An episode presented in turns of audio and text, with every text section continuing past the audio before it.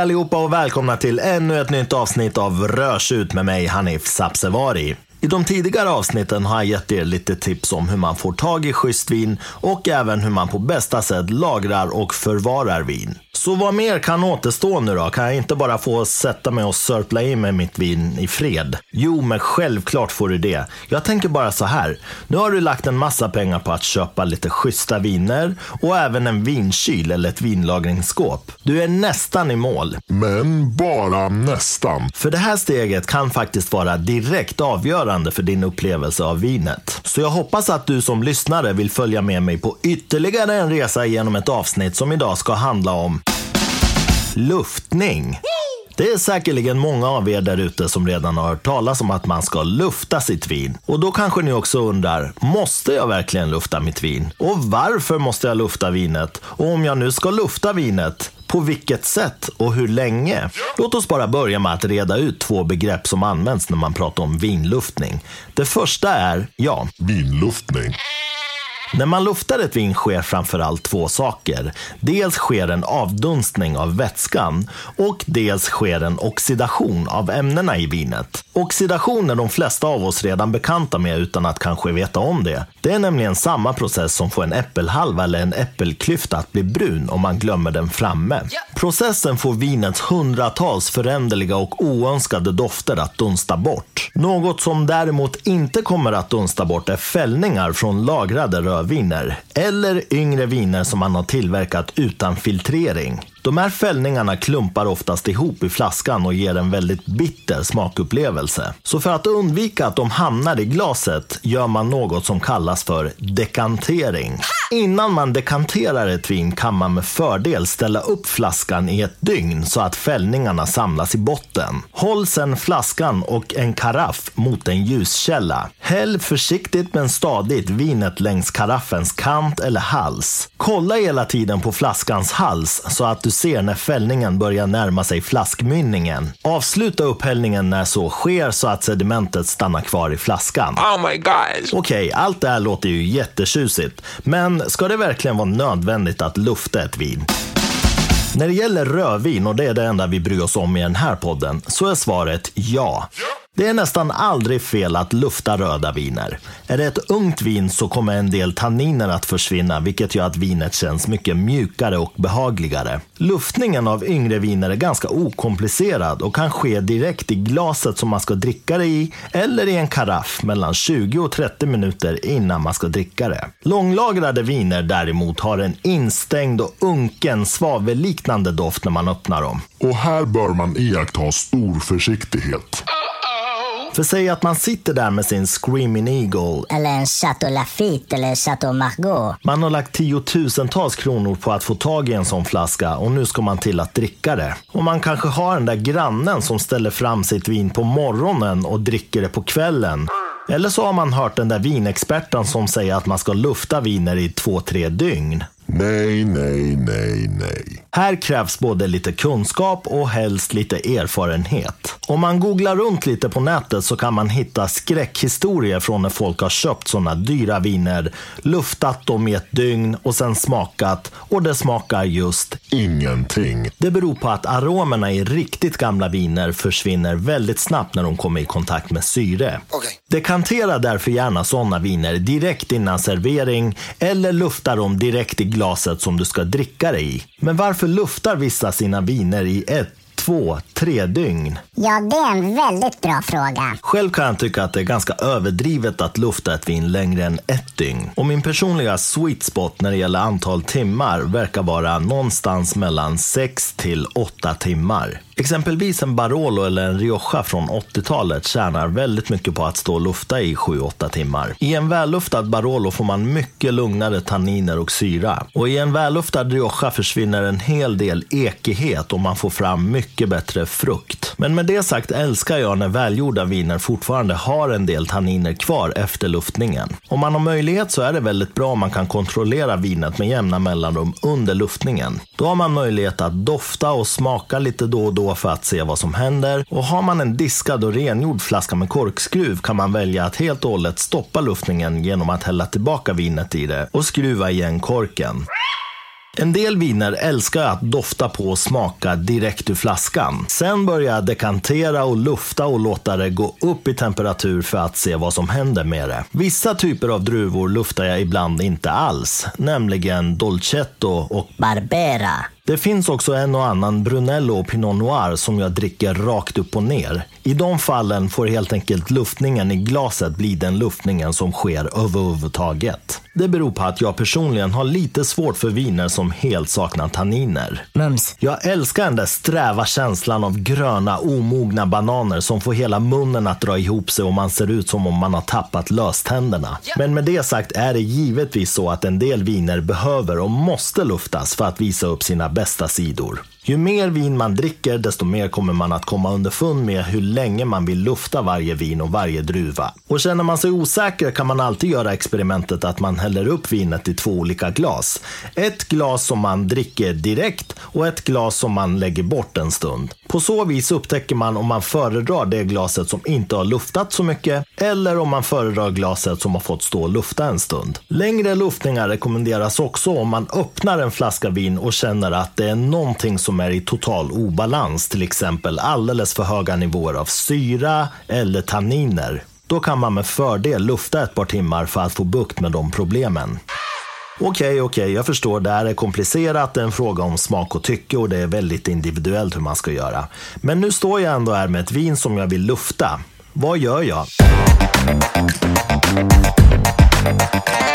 Som jag redan har nämnt så går det alldeles utmärkt att lufta vin i det vinglas som man ska dricka ur. Men för en aggressivare och snabbare luftning så rekommenderar jag att man luftar i en karaff. Börjar man googla runt lite så inser man att det finns karaffer för flera tusentals kronor. I de fallen betalar man kanske framförallt för designen mer än funktionen. Det finns även rekommendationer på att man ska använda smala, mellanbreda eller breda vinkaraffer till olika typer av viner. Här får man helt enkelt igen testa sig fram. Men generellt sett kan man säga att en vinkaraff med en stor och bred bas ökar mängden syre och luftar därför vinet snabbare. En sån karaff passar därmed viner som är gjorda på druvor såsom Cabernet Sauvignon, Petit Syrah, Tannat, Monastrell och Tempranillo. En mellanbred karaff skulle passa druvor såsom Merlot, Sangiovese, Dolcetto och Barbera. Och slutligen har vi de smala karafferna där man ofta serverar de lättare vinerna såsom Beaujolais och Pinot Noir. Här kan man med fördel också förkyla vinkaraffen så att vinet inte höjs i temperatur allt för snabbt. Okej, men nu sitter jag här med mitt vin och inser plötsligt att jag har ingen karaff. Vad gör jag då?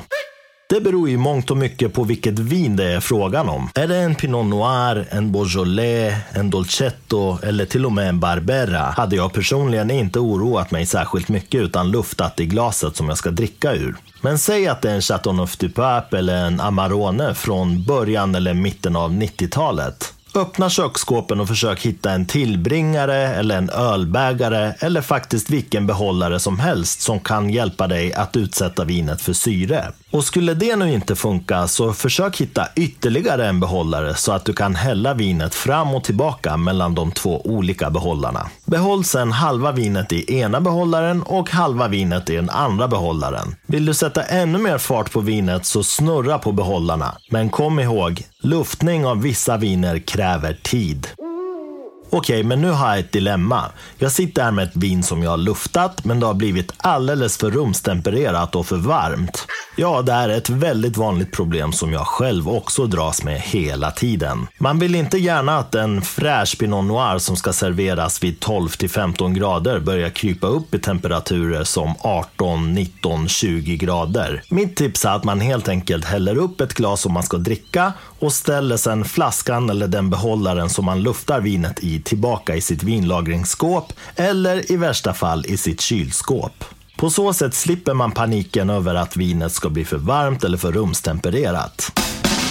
För den mer avancerade användaren finns ytterligare alternativ för luftning. Googlar man på vinluftare får man omedelbart fram ett antal olika modeller med olika design och i olika prisklasser. Själv har jag en luftare som heter Vinturi A-Rater. Den kostar i dagsläget mellan 300 och 500 kronor beroende på var man köper den. Den finns för både vitt vin och för rött vin, men personligen anser jag att det här är ett försäljningstrick. Jag ser ingen skillnad som helst mellan de två olika modellerna. Principen Proceduren är densamma. Man häller vinet i en liten kupa i vinluftarens övre del. Vätskan rinner genom ett smalt rör och rinner ut på undersidan. På vägen syresätts vinet genom två smala rör som går in på varsin sida av luftaren. Enligt Vinturi själva ska man fylla den övre kupan med åtminstone 50% av utrymmet för att få rätt rotation i luftaren. De hävdar även att det här är en patenterad teknologi. När vinet hälls i vinluftaren skapas en ökning av vinets rörelse och samtidigt minskar dess tryck. Den här skillnaden i tryck drar in rätt mängd luft som sedan blandas med vinet under en exakt rätt tid, vilket förhöjer både smak och doft. Allt här låter ju väldigt tjusigt. Men är det verkligen värt att köpa en vinluftare för 3, 4, 500 kronor? Jag har vid olika tillfällen kunnat jämföra Vinturi med andra typer av luftare och jag kan hävda att det är skillnad. Däremot ställer jag mig lite tveksam till den här patenterade teknologin som enligt Vinturi själva ska dra in rätt mängd luft och skapa exakt rätt tryck i vinet. Vid ett tillfälle hade jag möjlighet att testa Vinturi mot en likadan konstruktion från en annan tillverkare. Jag kände ingen ingen som helst skillnad mellan de två modellerna och den andra tillverkarens produkt kostade 99 kronor. Så mitt tips är att ni googlar Vinturi, ser hur konstruktionen ser ut och sen hittar en motsvarande luftare som är betydligt billigare. Enligt Vinturi själva kommer ni dock då att gå miste om det patenterade ljudet. Det ljudet ska nämligen bekräfta att du har en äkta Vinturi-luftare. Och det låter så här.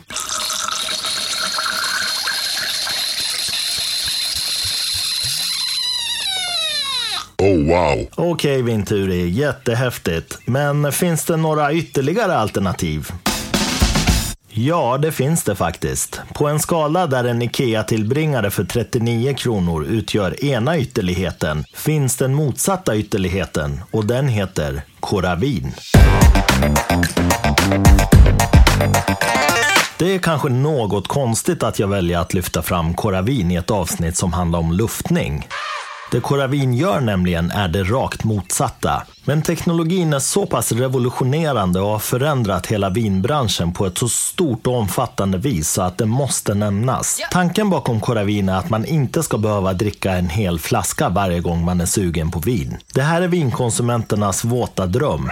Föreställ dig att du sitter där en fredagkväll och känner att du är sugen på ett halvt eller ett glas vin. Du har ingen lust att dricka upp en hel flaska. Du har ingen att dela den med och du har inte heller någon lust att bjuda över några vänner som kan hjälpa dig att dricka upp den. Ett annat scenario. Du har lagat en fin ravioli som du vill avnjuta med lämpligt vin. I ditt vinlagringsskåp har du flera goda alternativ som alla skulle kunna fungera utmärkt till maträtten. Så nu har du världens valångest och vet inte vilket av vinerna du ska välja. Ett tredje scenario. Du är sommelier på en vinbar eller på en fin restaurang och dina gäster är väldigt osäkra på vilket vin de ska välja till maten. I alla de här tre fallen kommer Coravin att vara till stor hjälp. Systemets helt genialiska metod bygger på att en tunn nål penetrerar korken på vinflaskan. Sen injicerar man argongas i flaskan genom att trycka ner en knapp på själva modulen. Argongas är en lukt och smakfri ädelgas som inte reagerar med andra ämnen. När argonet har injicerats i flaskan skapas ett övertryck och när man släpper knappen på modulen igen så rinner vinet ut genom nålen och ner i glaset. När man sedan drar ut nålen igen så återsluts det lilla hålet som skapades. Det beror på att korken har en naturlig elasticitet. Och till nästa gång man vill dricka ur samma flaska igen ligger argonet kvar och skyddar vinet i flaskan utan att påverka vare sig dess doft eller smak. Coravins moduler är verkligen inte billiga och jag rekommenderar inte att man köper det om man verkligen inte känner att man behöver ett sånt system. Men för oss som vill kunna dricka ett halvt glas eller ett glas ibland och sen kunna dricka upp resten vid senare tillfälle är det oslagbart. Det är även fantastiskt att kunna bjuda sina gäster på flera olika sorters vin utan att behöva korka upp hela flaskor. Men det finns vissa saker också som man måste vara medveten om när man investerar i en Coravin-modul. Man kommer med jämna mellanrum att behöva köpa nya argongaskapslar. Varje kapsel beräknas räcka till 2250 milliliter vin, vilket motsvarar tre 750 milliliters flaskor. Man kommer även att behöva köpa nya nålar. Ett bra tecken på att man behöver en ny nål är att den kärvar eller fastnar när man försöker penetrera korken. Så det är inte bara själva modulerna som är dyra, utan det kommer även att kosta att byta ut gaskapslar och nålar. När Coravin introducerades på marknaden gick det bara att använda på flaskor med naturkork. Men för en tid sedan lanserades ett tillbehör som gör att man nu kan använda Coravin även på flaskor med skruvkork. Och ett annat tillbehör som är intressant utifrån ämnet för dagens avsnitt är Coravin A-Raider, som är en liten smidig luftare som man fäster på sin Coravin-modul och som passar alla modeller av Coravin som har släppts hittills. Det finns otaliga informationssidor och videor ute på nätet om hur Coravin fungerar. Det finns också ett antal tips på hur man håller sin Coravin i bästa skick. Ett tips som jag särskilt vill rekommendera är att man rengör nålen efter varje användningstillfälle. Annars riskerar man att nålen täpps igen på insidan och i värsta fall så injicerar man oönskade partiklar i vinet vilket gör att det förstörs eller oxiderar. Det kan givetvis även hända att man stöter på korkar som är defekta. Och det som kan hända då är att korken är för torr och för oelastisk för att återslutas efter att nålen har dragits ur. Vilket kommer att leda till läckage. Det är mycket vanligt att man ser en droppe efter att man har dragit ut nålen. Då är det bara att torka bort den och ställa tillbaka vinet i vinlagringsskåpet. Men för att vara säker på att korken inte läcker kan man lägga ner flaskan en stund och se hur det går. Droppar det inte överdrivet mycket så är det lugnt. Okej, det här låter ju nästan för bra för att vara sant, men eh, finns det något mer jag ska tänka på med Coravin? 1. Försök ha ett system i ditt vinlagringsskåp eller i din vinkyl där du ser exakt vilka flaskor som är koravinerade och vilka som inte är det.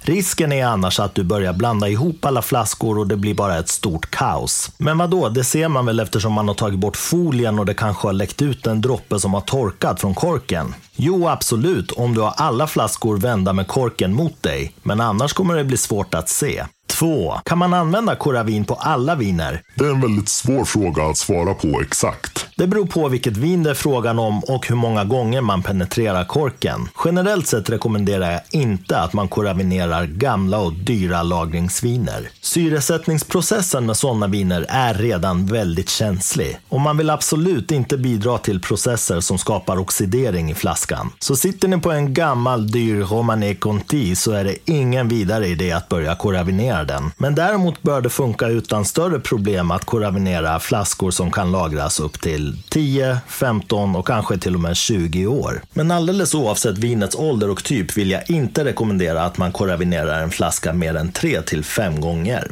3. Kan man använda koravin på alla typer av korkar? Som jag nämnde tidigare så funkar koravin på alla flaskor med naturkork. Och med tillbehöret screwcap så funkar det även väl på alla flaskor med skruvkork. Däremot funkar det inte på flaskor med syntetkork. Det beror på att materialet inte drar ihop sig efter nålens penetrering. Så vinet kommer att läcka ut och med stor sannolikhet även att oxidera. 4. Hur länge håller en koravinerad flaska och hur länge kan man dricka den? Det är också en väldigt komplicerad fråga att svara på och det beror återigen på vilket vin det är frågan om. Det finns folk som hävdar att det går utmärkt att koravinera flaskor i upp till 10 år. Själv är jag lite skeptisk till det. Min rekommendation är att man dricker upp koravinerade flaskor inom 3 år och absolut senast inom 5 år. Men allt utöver två år bör ses som en risk. Så koravinera gärna flaskor som ni tänker dricka upp inom en hyfsat snar framtid.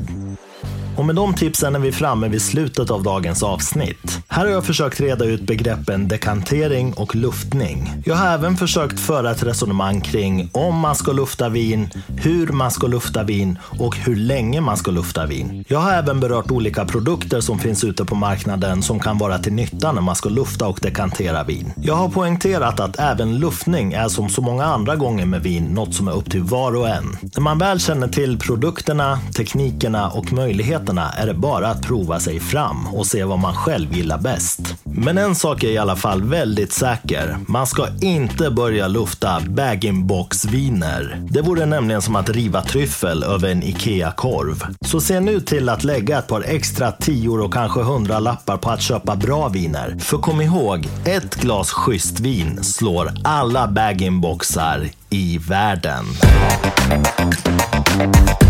We'll be right back.